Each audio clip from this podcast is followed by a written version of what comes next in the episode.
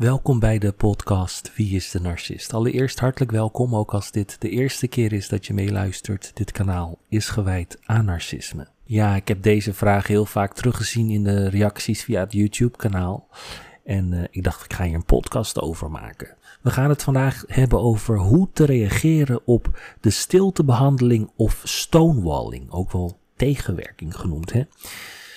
Ben je ooit aan de ontvangende kant geweest van de stiltebehandeling of stonewalling? Of misschien heb je het iemand anders aangedaan. Hoe dan ook, je bent bekend met deze sociaal aanvaardbare vormen van misbruik. Wat is de stiltebehandeling? Daar gaan we het eerst over hebben. De stiltebehandeling is een manipulatieve tactiek die is ontworpen om het gedrag van een ander persoon met stilte te beheersen.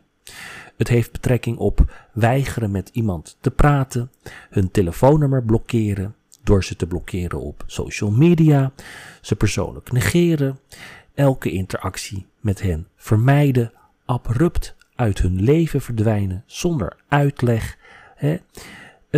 We hebben allemaal op een bepaald moment in ons leven iemand met stilte behandeld. Misschien voelde je je zo gekwetst door een vriend dat je jezelf er een tijd niet toe kon brengen om met hem of haar te praten. Of je was geïrriteerd door je man of vrouw, dus liet je zijn telefoontjes naar de voicemail doorschakelen. Het is oké als je gewoon wat tijd nodig hebt om af te koelen. Maar opzettelijke en langdurige stiltebehandelingen zijn een vorm van sociale uitsluiting die ernstige emotionele en zelfs fysieke schade kan veroorzaken. Het is een vorm van straf en wordt meestal gebruikt door giftige of narcistische mensen. Laten we dus uh, eens nader bekijken wat er gebeurt als iemand ons de stiltebehandeling geeft. Waarom is de stiltebehandeling zo slecht? De stiltebehandeling is een van de ergste vormen van emotionele mishandeling. Het wordt zelfs mentale moord genoemd, omdat de persoon die je de stiltebehandeling geeft, je in gedachten vermoordt. Ze doen alsof je niet bestaat en dat kan erg pijnlijk zijn. Onderzoek toont aan dat onze hersenen zijn bedraad om verbindingen te zoeken. We gedijen goed als we genieten van een aantal hoogwaardige of zinvolle relaties. Dus wanneer we sociale uitsluiting tegenkomen in de vorm van stiltebehandelingen, duidt dit op gevaar en leed. Kipling Williams is een expert op het gebied van ostracisme, uh, hoogleraar psychologie aan de Purdue University, en hij legt uit: de stiltebehandeling, ook al is het kort, activeert de cortex singularis anterior, het, deel van de hersenen dat fysieke pijn detecteert. De aanvankelijke pijn is hetzelfde, ongeacht of de uitsluiting door vreemden, goede vrienden of vijanden is. Dus de stiltebehandeling is letterlijk als het ervaren van fysieke pijn. Denk daaraan de volgende keer dat je iemand een koude schouder geeft. Hè? Goed, wie geeft de stiltebehandeling? Het gebruikelijke gebruik van stiltebehandeling is kenmerkend voor twee groepen individuen: mensen met onvolwassen coping en communicatieve vaardigheden en mensen met narcistische, toxische, passief-agressieve persoonlijkheden. Personen die moeite hebben met communiceren omdat hun emotionele volwassenheid is belemmerd, leren mensen de stiltebehandeling te geven als een vorm van straf. Deze mensen opereren meestal vanuit hun ego, wat betekent dat ze geloven in hun gelijk en standvastig zijn in hun mening, overtuiging en of hun ervaring. Degenen met onvoldoende communicatieve vaardigheden hebben geen andere manier om pijn of woede te communiceren dan zich terug te trekken en te zwijgen. Het is waarschijnlijk dat ze communicatiepatronen naspelen die zijn waargenomen in hun families van herkomst. Misschien werden ze als kind genegeerd of uh, gemeden hè, als ze zich misdroegen.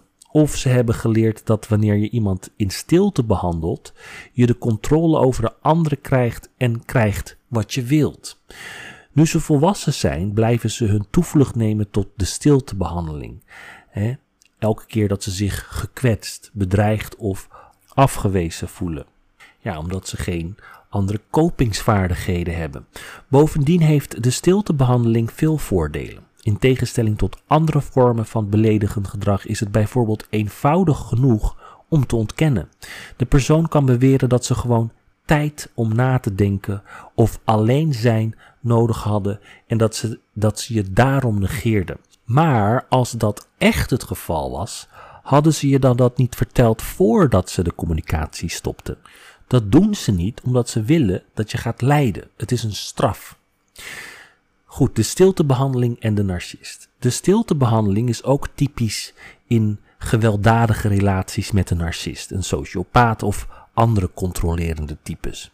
In deze context is de stiltebehandeling bijna altijd een controletactiek die bedoeld is om je te vernietigen, te devalueren en te verminderen.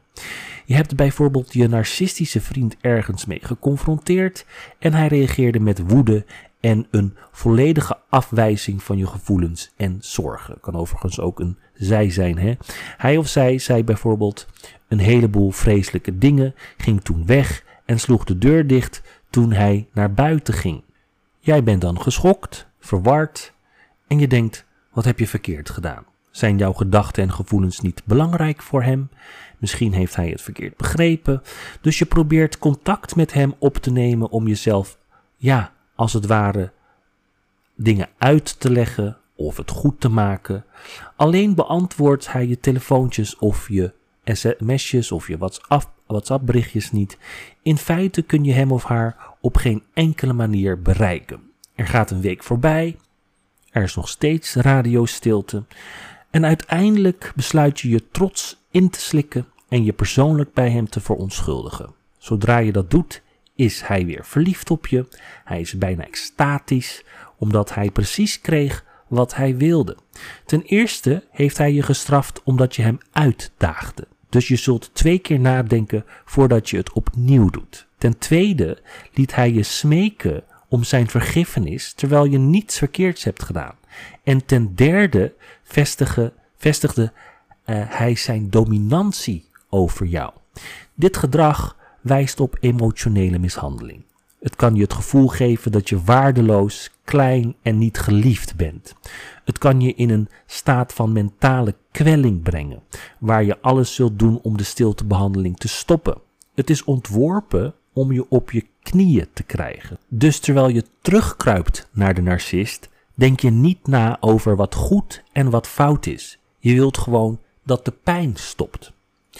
Goed, hoe te reageren op de stiltebehandeling? Ja, het vorige voorbeeld hè, met de narcist illustreert dat degene die je de stiltebehandeling geeft je emotionele pijn wilt bezorgen. Ze willen dat je je schuldig, beschaamd, verward en bang voelt. Ze willen ook dat je ze achtervolgt en ze smeekt om terug te komen en je terug te nemen. Helaas werkt de stiltebehandeling vaak zoals bedoeld, omdat het zo ondraaglijk is en mensen zullen er alles aan doen om het te laten stoppen. En als je te maken hebt met een gewelddadige partner en niet alleen iemand die emotioneel onvolwassen is, ben je geconditioneerd om te zwoegen voor zijn of haar genegenheid. Dus het is zoveel moeilijker voor je om aan de stiltebehandeling om die te weerstaan. Maar weerstaan moet je. Ja, er zijn moment, momenten hè, waarop je de, de volwassene persoon moet zijn en je eerst moet verontschuldigen. Maar wanneer je iemand jou de stiltebehandeling geeft, is dit niet het moment om dat te doen. Als de persoon je duidelijk negeert zonder een verbale waarschuwing te geven, dat ze een pauze nodig hebben om dingen op een rijtje te zetten, dan is dat emotionele mishandeling en een hele gemene. Proberen om in contact te komen met die persoon, ondanks het uitblijven van een reactie, zal je alleen maar meer pijn doen. Je moet een stap terug doen en de, stil, de partij die de stiltebehandeling geeft, hun stilte laten hebben. Probeer ze niet terug te winnen of probeer ook niet uit te leggen hè, of verontschuldig je ook niet. Als je dat namelijk doet, zal het hen alleen maar aanmoedigen om het keer op keer opnieuw te doen. Omdat ze nu weten dat het zal werken als een tierenlier. Hè? Maak je er ook niet druk om. Ga iets anders doen. Leid je af. Start een uh, hobby, een project of wat dan ook. Breng tijd door met je vrienden. Ga uit. Maak een reis die je altijd al hebt willen maken. He, leid, leid jezelf af. Ga niet terugsmeken, contact zoeken, noem maar op. Want uh, je gaat dan toegeven meestal aan een fout hè, die jij zelf niet hebt begaan. Dus laat ze nooit denken dat je elke avond in een donkere kamer uh, zit, uh, naar hun foto's zit te kijken, zit te staren. Uh, en dat je jezelf in slaap helpt. Leef je leven. En als ze onvermijdelijk weer verschijnen en doen alsof er niets gebeurt, praat dan met ze. Maak duidelijk dat de volgende keer dat ze zo'n stunt uithalen, je ze niet meer in je leven toelaat. Je tolereert geen stiltebehandeling, dus of ze een relatie met, met jou uh, zullen hebben, is aan hen. Hè? En als ze het ooit nog eens doen, ja, dan moet jij je belofte nakomen. Hè? Dan moet jij ze uit je leven bannen, verbannen. Goed, dan gaan we het hebben over stonewalling. Wat is stonewalling? Ja, de stiltebehandeling gaat meestal hand in hand met stonewalling. Daarvoor praat ik hier ook over in één podcast. Stonewalling is een andere destructieve communicatietactiek waarbij een andere persoon wordt genegeerd. Je zou zelfs kunnen zeggen dat de stiltebehandeling een extremere vorm van tegenwerking is. Stonewalling is een weigering om te communiceren wanneer de discussie te ongemakkelijk of te overweldigend wordt. Het is wanneer een persoon zich emotioneel terugtrekt uit een gesprek, niet meer reageert, afgeleid wordt, zich afstemt en zich koud en onverschillig gedraagt.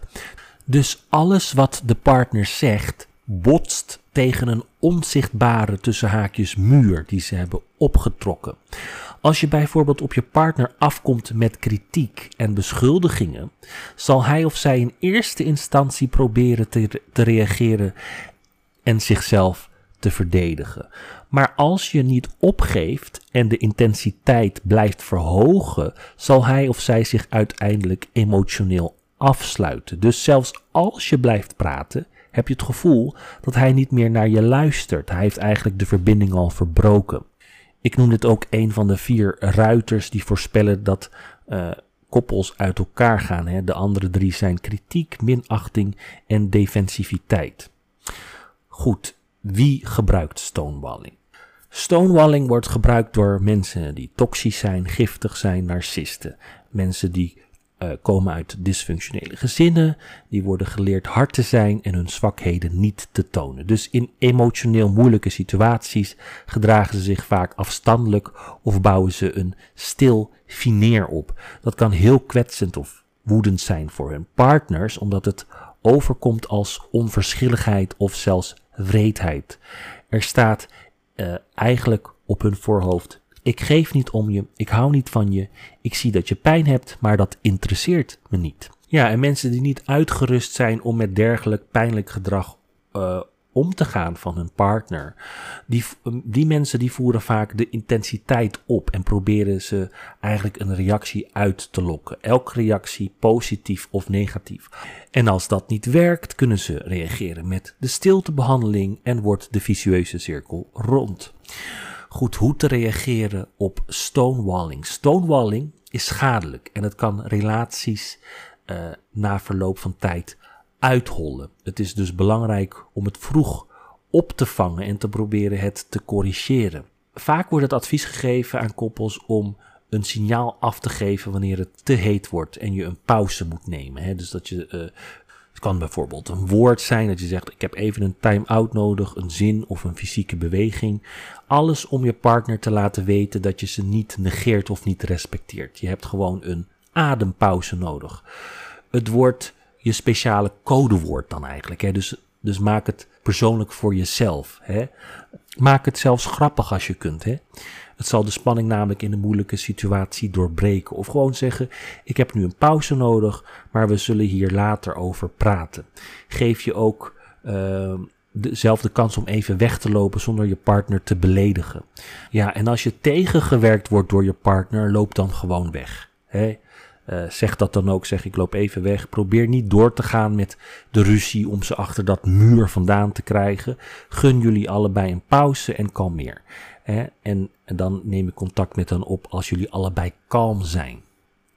Goed, de stiltebehandeling en stonewalling. Even een samenvatting. De stiltebehandeling en stonewalling komen vaak voor in de context van romantische relaties. Wanneer een of beide partners slechte communicatieve vaardigheden hebben en niet zijn toegerust om, hun, om met hun meer pijnlijke emoties om te gaan. Maar ze zijn ook ingebed in dysfunctionele gezinnen, vooral degene met narcistische moeders, uh, vaders of waar beide ouders controlerend en beledigend zijn. Reageren op deze manipulatieve tactieken houdt in om de mechanismen van stiltebehandeling en tegenwerking of stonewalling te begrijpen. De redenen begrijpen waarom iemand je de stiltebehandeling of uh, stonewalling geeft, jezelf uit de situatie verwijderen zonder schuldgevoel, angst of twijfel aan jezelf te hebben. En indien mogelijk de relatie opnieuw evalueren of dysfunctionele patronen te corrigeren. Goed, ik weet zeker dat jullie ooit te maken hebben gehad met de stiltebehandeling of stonewalling. Hè? Ehm, eh, zeker als je in een uh, narcistische relatie hebt gezeten of een relatie met een giftig persoon, die geeft vaak de stiltebehandeling. En de stiltebehandeling is echt wel uh, samen met stonewalling een van de pijnlijkste manipulatietactieken die een narcist kan toepassen. Vooral de stiltebehandeling. Want de stiltebehandeling is eigenlijk om jou op je knieën te krijgen. En dat jij jezelf maar gaat afvragen van wat heb ik nou verkeerd gedaan? Ik wil deze pijn niet voelen, dus ik zal maar een fout toegeven.